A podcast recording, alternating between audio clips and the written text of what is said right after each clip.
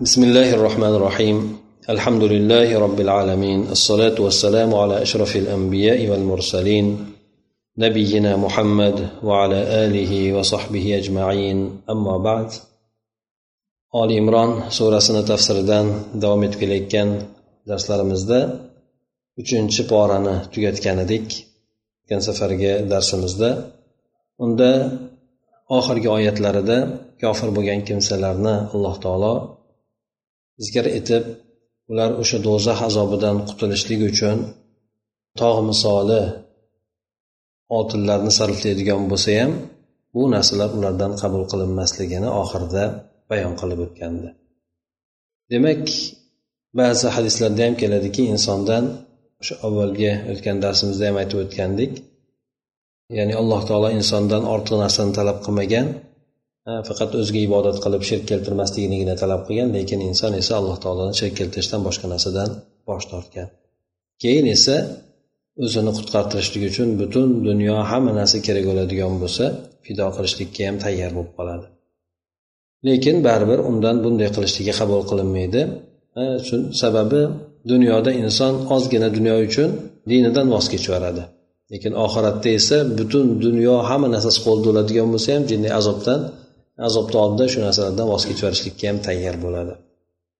Ana undan keyin alloh taolo oyatda aytadiki lan tanalul birra hatta tunfiqu mimma tuhibbun va ma tunfiqu min shay'in fa innalloha bihi alim. Ya'ni sizlar tom ma'nodagi yaxshilikka erisholmaysizlar. Hattoki sizlar o'zlaringiz yaxshi ko'rgan narsalardan infoq qilmagunlaringizgacha deydi.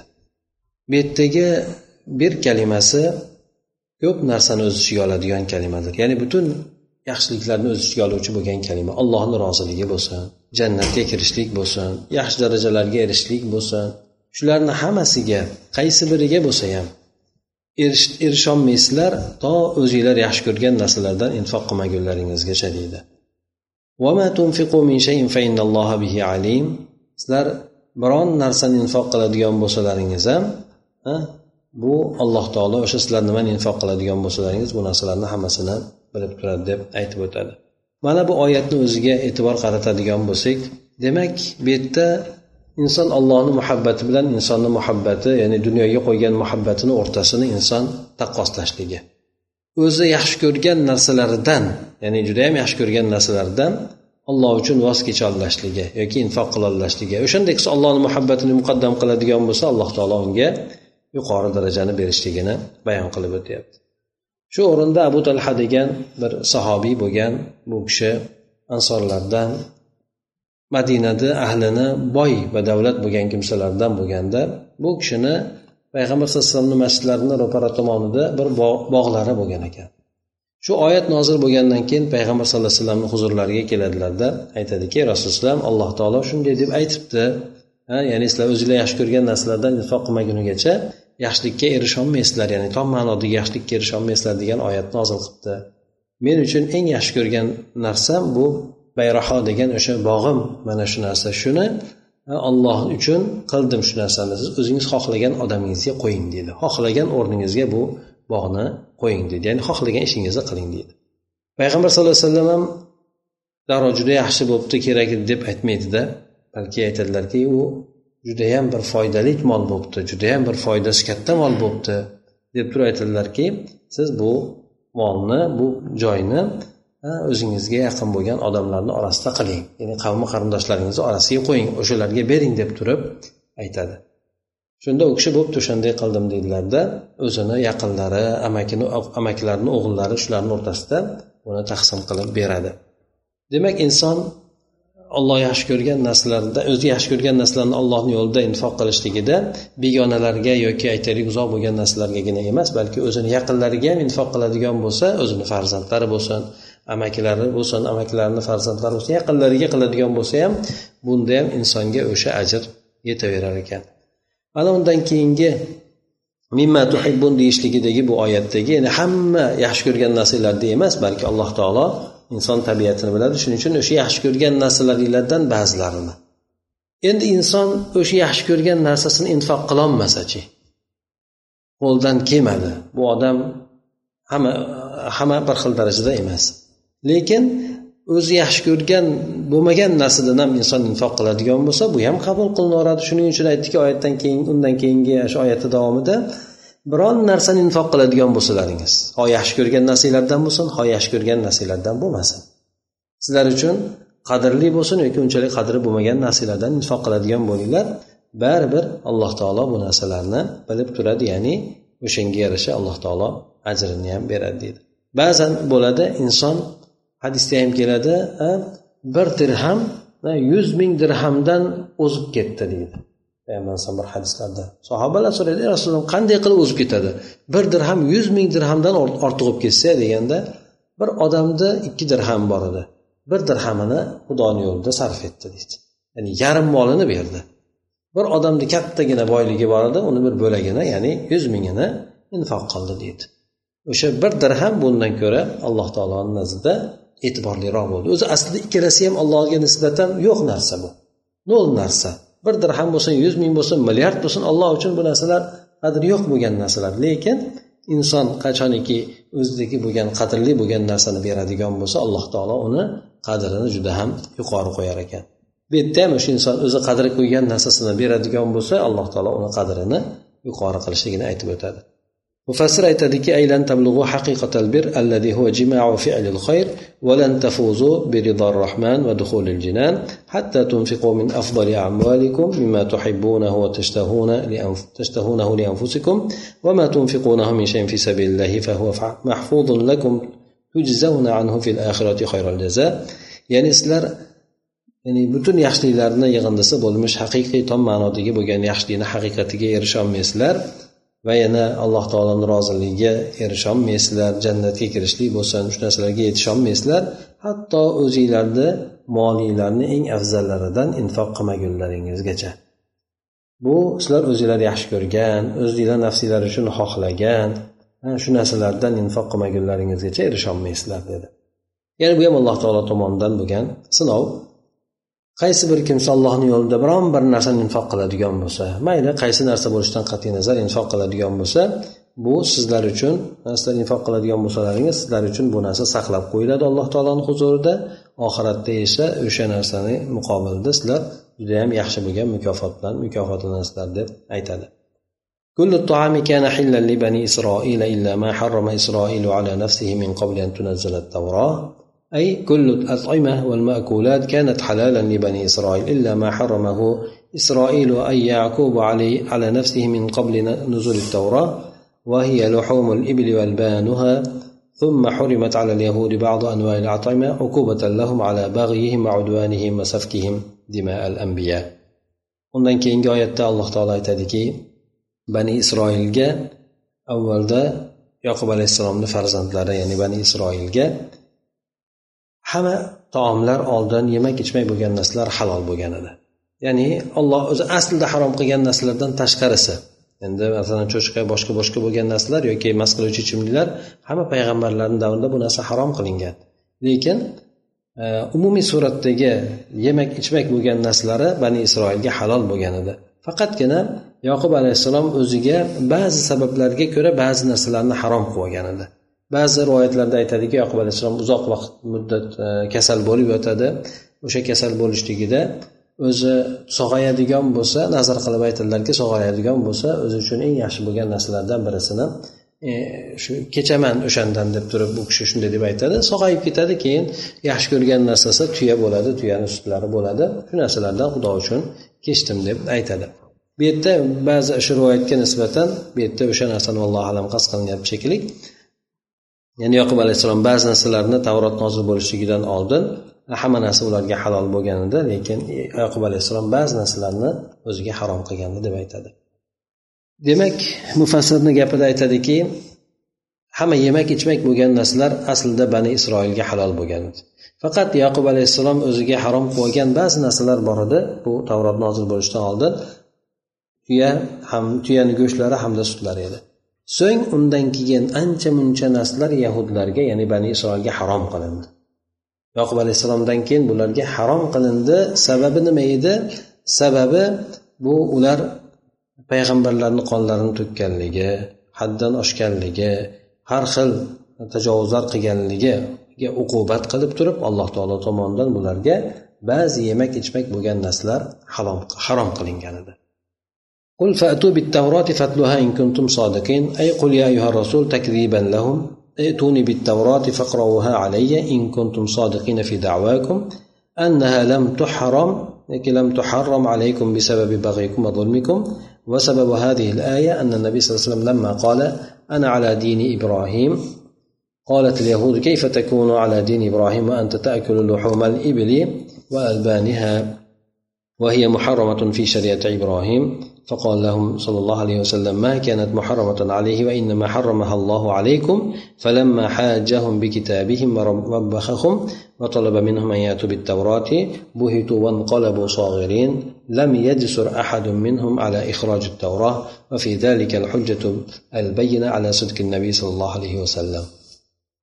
Bu oyatni keltirishligida banu isroil ularga o'sha harom qilingan narsalar ularni kitoblarda harom qilingan narsalarni ular inkor etishar edi.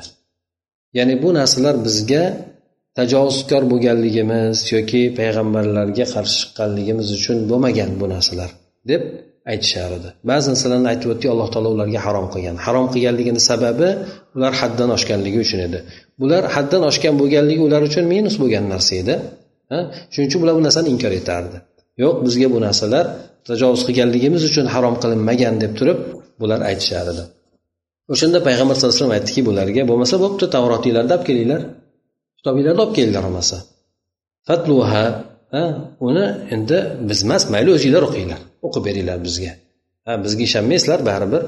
Bo'pti kitobinglarni olib kelinglarda o'sha sizlarga harom qilinganligi ya'ni tajovuz qilganinglar sababligi sizlarni kitobinglarda bor.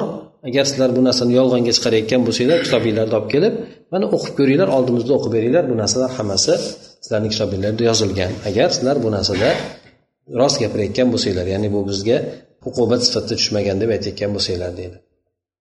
Mufassir aytadiki bu yerda ey payg'ambar sallallohu alayhi vasallam eh, ayting ularni ya'ni yahudlarni yolg'onga chiqarib yolg'onchiga chiqarib aytingki ularni davosini yolg'onga chiqarib bo'lmasa tavrotni olib kelinglarda menga o'qib beringlar agar sizlar davoinglarda rostgo'y bo'ladigan bo'lsanglar. Ya'ni sizlarga e, harom qilingan narsalar tajovuzkor bo'lganinglar zulm qilganinglar sababli harom qilinmagan deb aytayotgan bo'lsanglar unda mana kitobinglarni olib kelib o'qib beringlar. Balki ularni kitoblarida shu narsalarni tajovuz sababli harom qilinganligi bayon qilingandi bu oyatni sababida aytadiki mufassir payg'ambar sallallohu alayhi vasallam men ibrohim alayhissalomni dinidaman deb aytgan paytlarida yahudlar aytdiki qanaqa qilib sen din e, ibrohim alayhissalomni dinida bo'lasan? Vaholanki sen o'sha tuyalarni go'shtlarini yesang sutlarini ichadigan bo'lsang deb turib aytadi. Bu aslida ibrohim alayhissalomni shariatida harom qilingan deb turib demak ular ya'ni biz asosan biz yemaymiz ichmaymiz biz ibrohim alayhissalomni shariatiga biz amal qilamiz biz ushuni dinidamiz deb davo qilishdi. Ya'ni payg'ambar sallallohu alayhi vasallam keyin ularga aytdiki o'zi u kishiga u narsa harom qilinmagan edi. Alloh taolo uni sizlarga harom qildi. Tajovuz qilganinglar uchun alloh taolo sizlarga bu tuya go'shtlarini harom qildi dedi. Keyin o'rtada ular hujjatlashib ketishdi. Kitoblari bilan hujjatlashib ketishgach payg'ambar sallallohu alayhi vasallam ularni koyib berdi va ulardan aytdiki tavrotni olib kelinglar bo'lmasa dedi.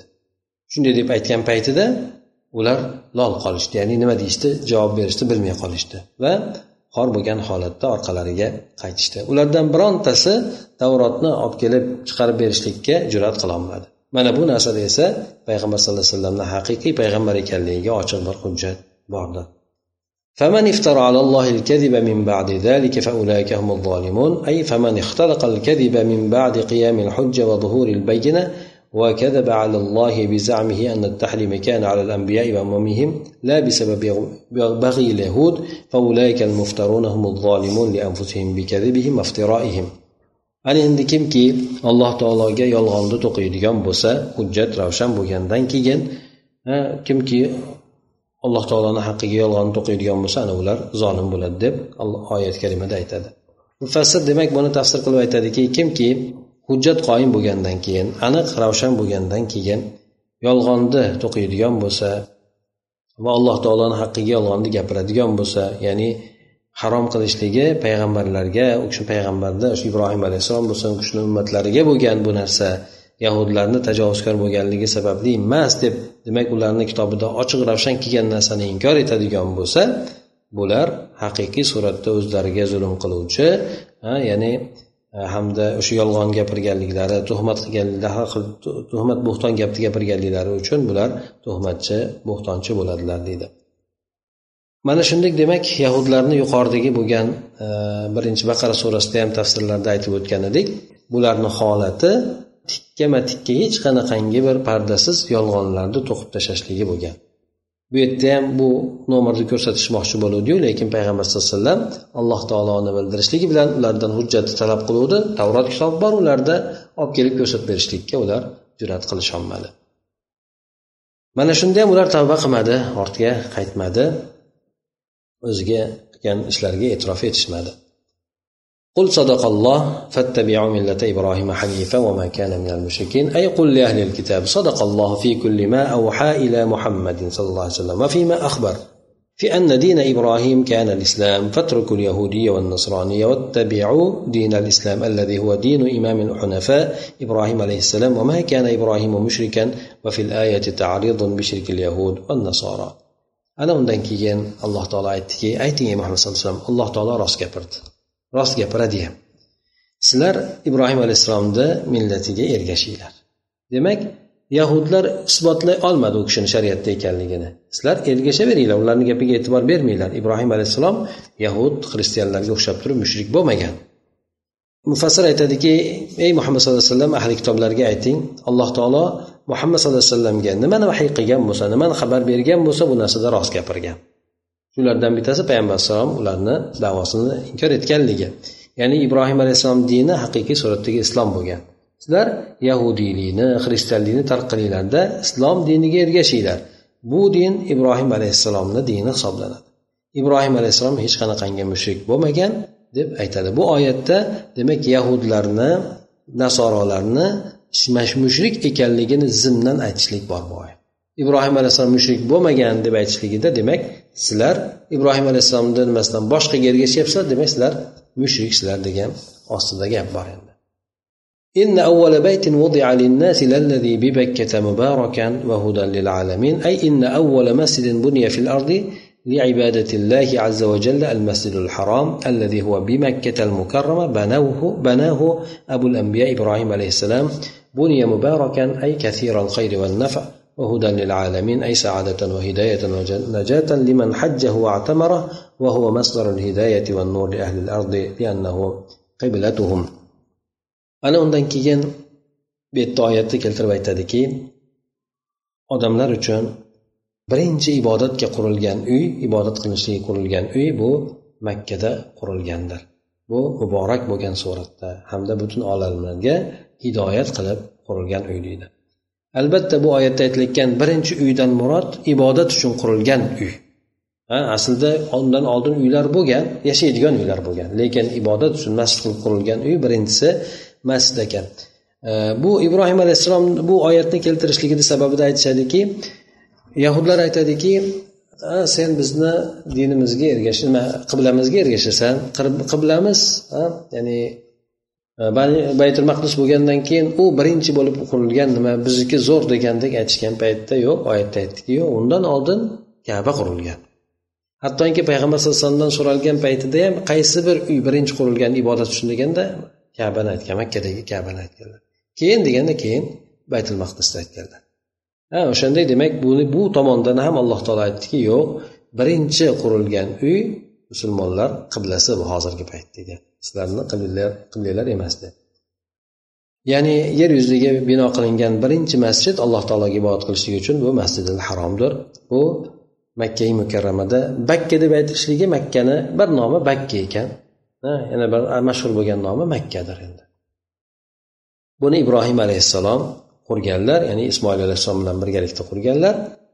Bu uyni qurilishligi albatta judayam yaxshiliklari manfaatlari ko'p bo'lib muborak bo'lib qurilgan. Yana bu olamlar uchun hidoyat deydi ya'ni bunda kim haj qiladigan bo'lsa umra qiladigan bo'lsa o'shanday kimsalar uchun najot hidoyat baxt saodatdir yana bu butun yer ahli uchun nur hidoyat manbai ularni yuzlanadigan qiblasi hamdir فيه آيات بينات مقام إبراهيم ومن دخله كان آمنا أي فيه علامات واضحة كثيرة تدل على شرفه وفضله على سائر مساجد الدنيا منها مقام إبراهيم وهو الحجر الذي وقف عليه إبراهيم حين كان يبني الكعبة المشرفة ومنها الصفا والمروة وزمزم وحجر إسماعيل والحجر الأسود. أفلا يكفي ذلك برهانا على شرف هذا البيت أن يكون قبلة للمسلمين؟ وآية أخرى أن من دخل البيت كان آمنا. yana alloh taolo buni birinchi uy bo'lib qurilganligidan tashqari yana fazilatiga sherik bo'ladigan boshqa bir alomatlar ham borki bu yerda ibrohim alayhissalomni maqomi bor. Turgan o'rinlari bor. Turgan o'rinlari tosh. Tosh go'yoki bir mo'jiza suratda qolgan bizgacha. Ibrohim toshda odam turadigan bo'lsa oyoq izi chiqmaydi botib qolmaydi. Lekin ibrohim alayhissalomni oyoqlari o'sha toshga botib qolgan. Bu tosh aslida kalbaga kabaga yopishib turgan bo'lganda keyin tavoflarga xalaqit qilganligi sababli uni orqaroqqa surib qo'yilgan endi o'sha ya'ni ibrohim alayhissalom qurganligi bu mashhur bu narsani yana u yerga kimki kiradigan bo'lsa u yerda omonda bo'ladi deb alloh taolo aytadi. Mufassir keltirib aytadiki demak yana ko'plab boshqa aniq ravshan bo'lgan alomatlar borki bu alomatlar o'sha kabani butun dunyo masjidlarini ustida nafaqat e, baytul maqdis balki boshqa butun dunyo masjidlarini ustida obro'li ekanligi fazli ekanligiga fazilatli ekanligiga dalolat qiladi. Ulardan mana aytib o'tganimiz maqom ibrohim bor. Bu ibrohim alayhissalom ustida turgan tosh edi. Kabani qurayotgan paytlarida yana undan tashqari safo marva bor haj amallari qilinadigan yana zamzam suvi bor judayam bir mashhur bo'lgan.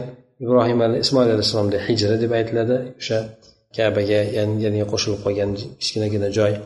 Yana undan tashqari qora tosh ham ayni o'sha yerda ya'ni bu qora tosh jannatdan tushgan.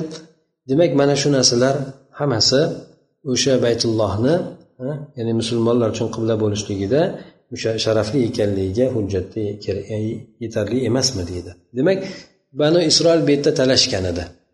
Biz masjidimiz zo'r bizniki obro'li hurmatli boshqa boshqa deb aytganda alloh taolo bu yerda kabani undan ko'ra musharraf ekanligini bayon qilib o'tib ketdi.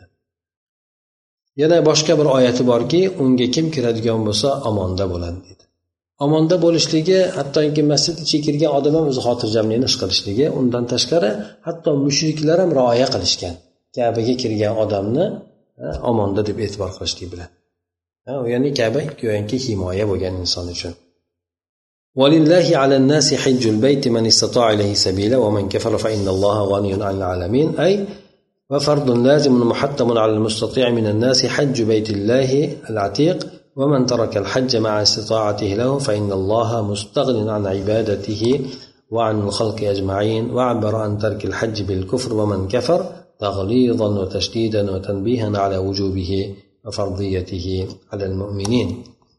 أنا أمنا تشكره حيث الله تعالى الله جن أدام لنا زمسدا بيت الله حج كالشليك فرزدك بار. و kimki yo'lga qodir bo'ladigan bo'lsa kimki endi nonko'rlik qiladigan bo'lsa yoki o'sha amalni bajarmaydigan bo'lsa alloh taolo undan ham balki butun olamlardan ham qiladigan ibodati boshqa narsalardan behojat deb aytadi.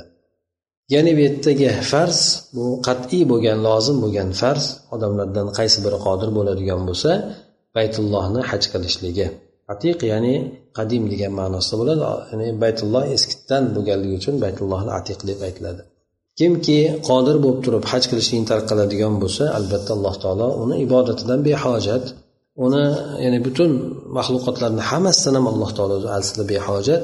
Endi bu yerda alloh taolo bu yerda e, hajni tark qilishlikdan kufr kalimasini ishlatib e, ishlatdiki bu yerda buni ishlatishligi e, ba'zi mufassillarni gapiga binoan ya'ni judayam qattiq odamlarga tanbeh berishlik uchun ya'ni bu amal qilishlikka odamlarni qattiq targ'ib qilib kimki o'shani tark qiladigan bo'lsa ularga qattiq tanbeh berishlik natijasida keltirgan deb aytiladigan bo'lsa ba'zilar aytadiki yo'q hajni farzligini inkor etadigan bo'lsa bu kofir degan ma'noda bo'ladi deb ba'zilar aytishadi. Bu narsa ham bu kishi mufassir aytgandek demak uni vojib ekanligiga butun mo'minlarga hammasiga farz ekanligiga e, e'tiborni qaratishlik uchun bu kalimani ishlatildi deb aytib o'tadi. Endi haj qilishlik masalasi bo'yicha olimlarni ixtilofi bor. Bu farz farz lekin odam qodir bo'lishi bilanla qilish kerakmi yoki bo'lmasa umr davomida qilsa bo'laveradimi? Ha masalan pul topdinglar o'sha yili qilish kerakmi imkoniyat topdi yoki bo'lmasa keyingi sursa bo'ladimi? Bu borada olimlarni ixtilofi bor ekan. Aksar olimlar shu topgan imkoniyatidan boshlab turib inson haj qilish kerak ya'ni tezda haj farzini ado etishlikka harakat qilish kerak deydi.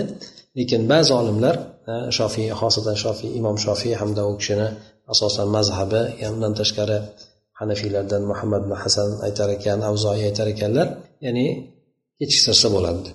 Aynan o'sha nimada qilishligi shart emas insonga kechiktirsa bo'ladi. Sababi deganda hajni farz bo'lishligi oltinchi yilda bo'lgandi haj to'g'risidagi oyat baqara surasidagi oyat oltinchi yilda nozil bo'lgan.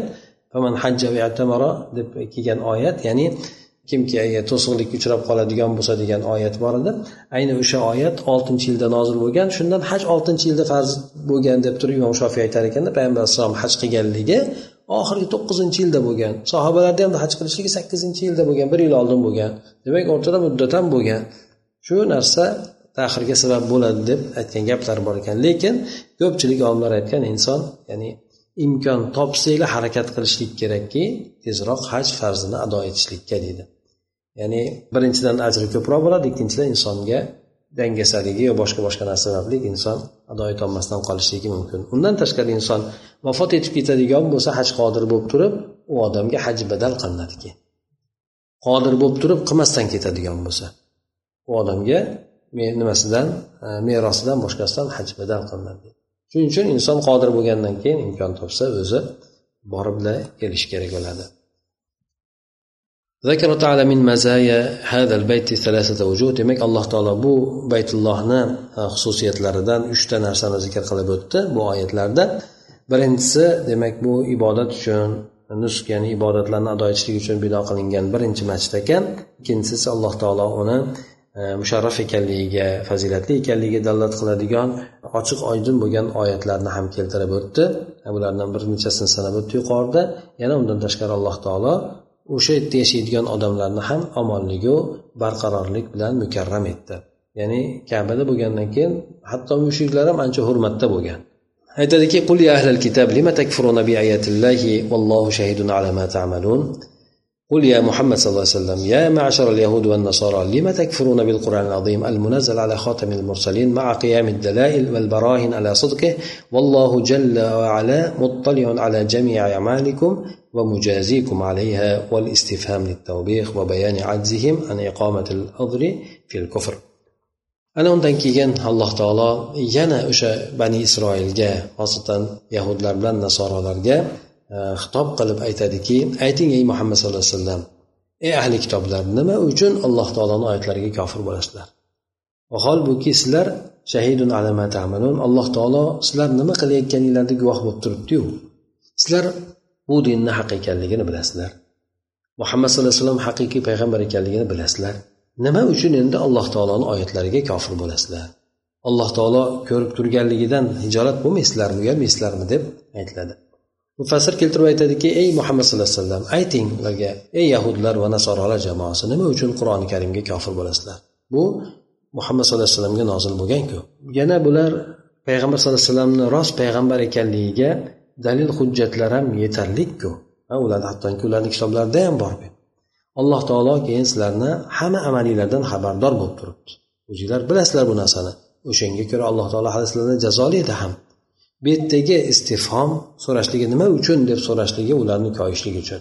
Ya'ni so'rashlik uchun emas balki ularni iymon keltirsang bo'lmaydimi? Alloh taoloni oyatlariga degan mazmunda ularni qattiq qattiq tegib aytilgan gaplaridir.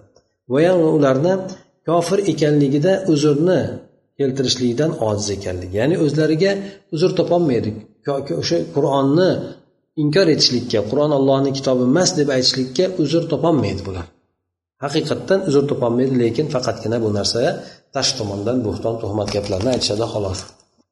قل يا أهل الكتاب لم تصدون عن سبيل الله من آمن تبغونها عوجا وأنتم شهداء وما الله بغافل عما تعملون توبيخ آخر لهم أي لم تمنعون الناس وتصرفونه على دين الحق دين الله الحق وهو الإسلام وتمنعون من أراد الدخول فيه بتلبيس على الناس بإيهامهم أن فيه خللا وعوجا تطلبون أن يكون دين الله عوج وأنتم تعلمون حق العلم بأن الإسلام هو الحق وهو الدين المستقيم وليس الله بغافل عن أعمالكم وإجرامكم لقد جمع اليهود والنصارى بين الضلال والإضلال لعباد الله فقد كفروا بالإسلام ثم صدوا الناس عن الدخول فيه بإلقاء الشبه والشكوك في قلوب الضعفة من الناس كما يفعل المبشرون في زماننا ana undan keyin yana bir boshqa xitobni ularga yo'naltirib aytiladiki ayting ey muhammad sallallohu alayhi vasallam ey ahli kitoblar nima uchun endi avvalo nima uchun ollohni oyatlariga kofir bo'ldinglar Qolaversa nima uchun ollohni dinidan unga iymon keltirayotgan kimsalarni to'syapsizlar endi? Ollohni dinidan odamlarni to'syapsizlar bunda sizlar ollohni o'sha dinida noto'g'rilik borligini istagan aytgan holatlaringizda. Ya'ni dinda kamchilik bor boshqa boshqa bu haq din emas deb boshqa narsalar deb turib demak odamlarga har xil shubhalarni solib turib ollohni dinidan to'syapsizlar o'zinglar bilib turibsizlaru. Antum shuhada bilib guvoh bo'lib turibsizlar o'zinglar bu din haq ekanligiga. Payg'ambar sallallohu alayhi vasallam haqiqiy payg'ambar ekanligini bilib ko'rib turibsizlar o'zinglar. Alloh taolo lekin sizlar qilayotgan ishlardan g'aflatda emas deb alloh taolo aytadi. Mufassir aytadiki bu yana ikkinchi ularga qattiq koyib berishlik edi. Ya'ni odamlarni nima uchun ollohni haq dinidan islom dinidan to'syapsizlar? Odamlarni borib yuboryapsizlar? Unga kirishlikni xohlagan odamlarni man qilyapsizlar. Odamlarga demak demak dinda nuqsonlar bor qing'irliklar bor deb odamlarni gumon qildirishlik bilan odamlarga chigallashtirib berishlik bilan haqni nohaq bilan aralashtirib berishlik bilan odamlarni dinga kirishlikdan man qilyapsizlar. Yana nima sizlar alloh taoloni dini qing'ir bo'lishligini xohlayapsizlarmi sizlar o'zinglar bilasizlarku haqiqiy suratda aniq bir suratda bilasizlarki islom bu haq din ekanligini alloh taoloni to'g'ri dini ekanligini bilasizlar. Alloh taolo esa sizlarni qilayotgan amalinglardan bu jinoyatinglardan g'aflatda emas. Demak bu yerda yahudlar va nasorolar ikki narsani o'rtasini jamlashdi. Birinchidan o'zlari zalolatga ketib qolishdi hamda odamlarni boshqa ollohni bandalarini ham adashtirishlikka harakat qilishdi adashtirishdi. Bu hamda bular demak islomga kofir bo'lishdi.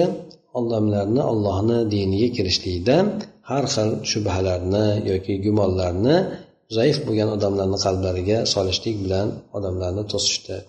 Buni xuddi bizni hozirgi zamonimizda missionerlar qilayotgani kabi deydi. Demak bu oyat aniq shu yahud yahudlarni ham xristianlarni ham ikkalasini ham kofir ekanligiga ochiq suratda dalolat qiladi.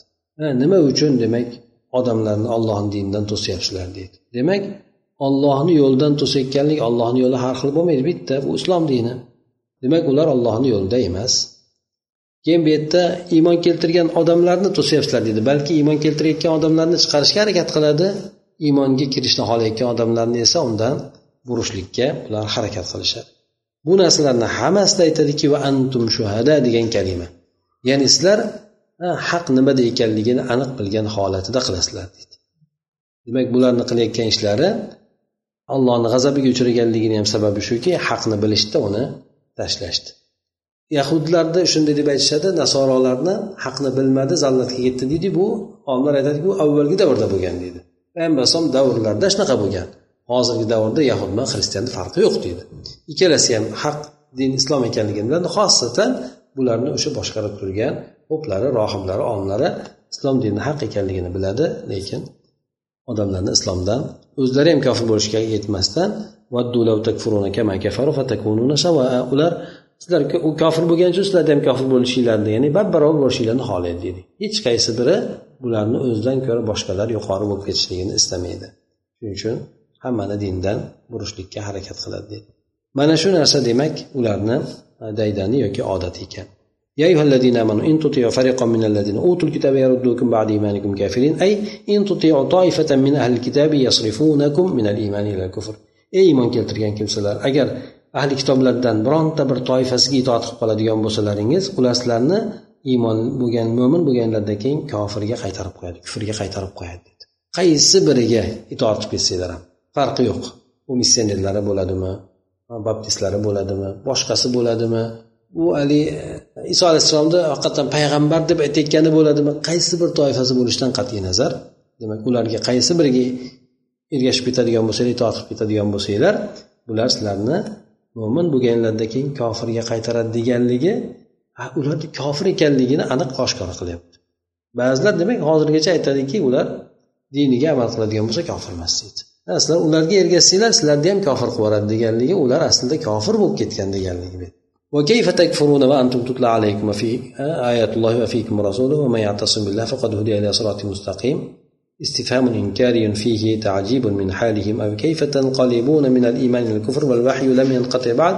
وآيات القرآن لا تزال تتنزل عليكم ورسول الله صلى الله عليه وسلم حي بين أظهركم يرزق. ومن تمسك يتمسك بدين الله الحق وهو الإسلام فقد تحقق له الهدى وطريق الله المستقيم نزلت هذه الآية في الأنصار وهي عامة لكل زمان ومكان وسبب نزولها ما أخرجه ابن إسحاق عن زيد بن أسلم أنه قال aytadiki yana mo'minlarga xitob qilib alloh taolo aytadiki endi sizlar qanaqa qilib kofir bo'lishinglar mumkin holbuki sizlarga ollohni oyatlari tilovat qilib turilgan bo'lsa qur'on nozil bo'lib turgan bo'lsa sizlarga. Ya'ni ularni ikki chikirlargacha qilayotgan ishlarigacha ochib berayotgan bo'lsa oriylarda rasululloh alayhivasallam tirik bo'lib turgan bo'lsa qanaqa qilib sizlar demak ularni diniga ergashib ketib qolasizlar. Kimki alloh taoloni mahkam ushlaydigan bo'lsa dinni arqonni mahkam ushlaydigan bo'lsa bu inson to'g'ri yo'lga hidoyatlangan bo'ladi deydi. Bu yerdagi istifhom qanday qilib kofir bo'lib ketasiz degani bu inkoriydir ya'ni unday qilmanglar kofir bo'lmanglar degani.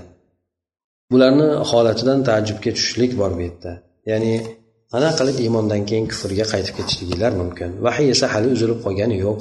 Qur'on oyatlari sizlarga nozil bo'lib turgan bo'lsa rasululloh oralaringizda tirik rizqlanayotgan bo'lsa endi kimki alloh taoloni haqiqiy dinni ya'ni islomni mahkam tutadigan bo'lsa bu odamga hidoyat alloh taoloni to'g'ri yo'li ro'yobga chiqqan bo'libdi.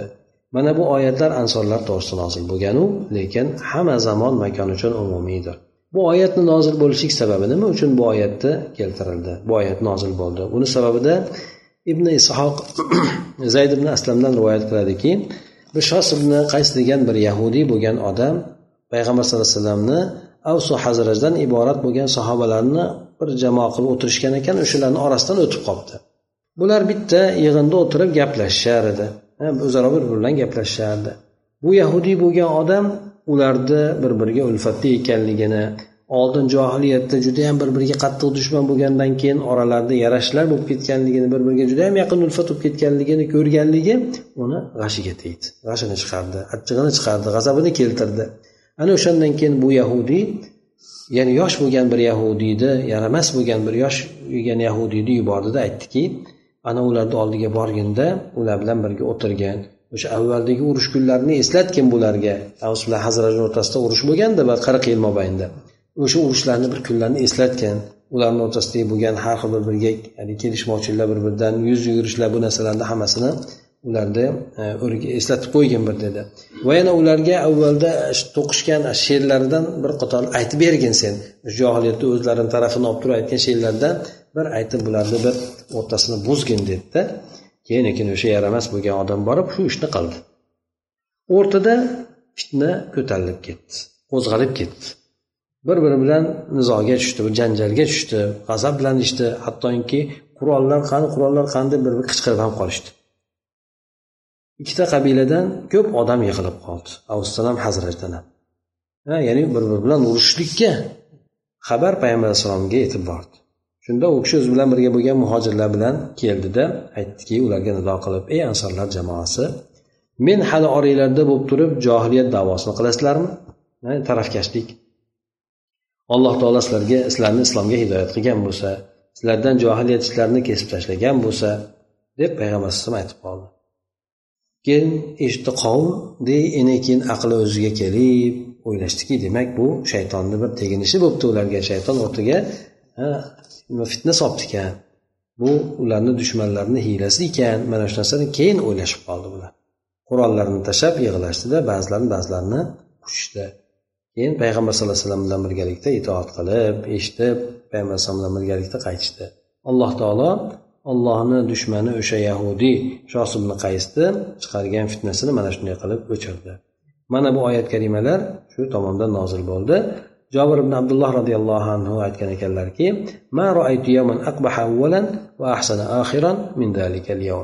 ya'ni o'sha kundan ko'ra jobir ibn abdulloh roziyallohu anhu aytgan ekanda o'sha kundan ko'ra ya'ni o'rtada fitna bo'lib tuzalgan kundan ko'ra avvali judayam xunuk bo'lgan lekin oxiri judayam chiroyli bo'lgan boshqa kunni ko'rmadim degan ekan.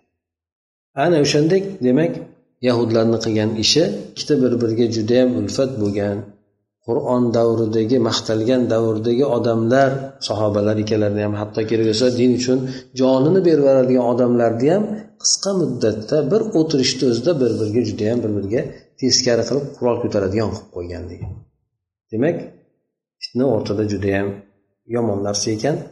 Sal bo'lib ham tarafkashlikni tomondan keladigan bo'lsa bunda ancha muncha odam turib berolmas ekan. Hattoki mana sahobalar bo'lsa hattoki payg'ambar alayhisalom kelib gapirgandan keyin keyin o'ylashdi haqiqatdan noto'g'ri ish qilibmiz deb ungacha demak bir biriga faqat bir birini qo'zitishlik bir birini qizdirishlik bularni o'rtasida kuchayib ketib qolgan ekan.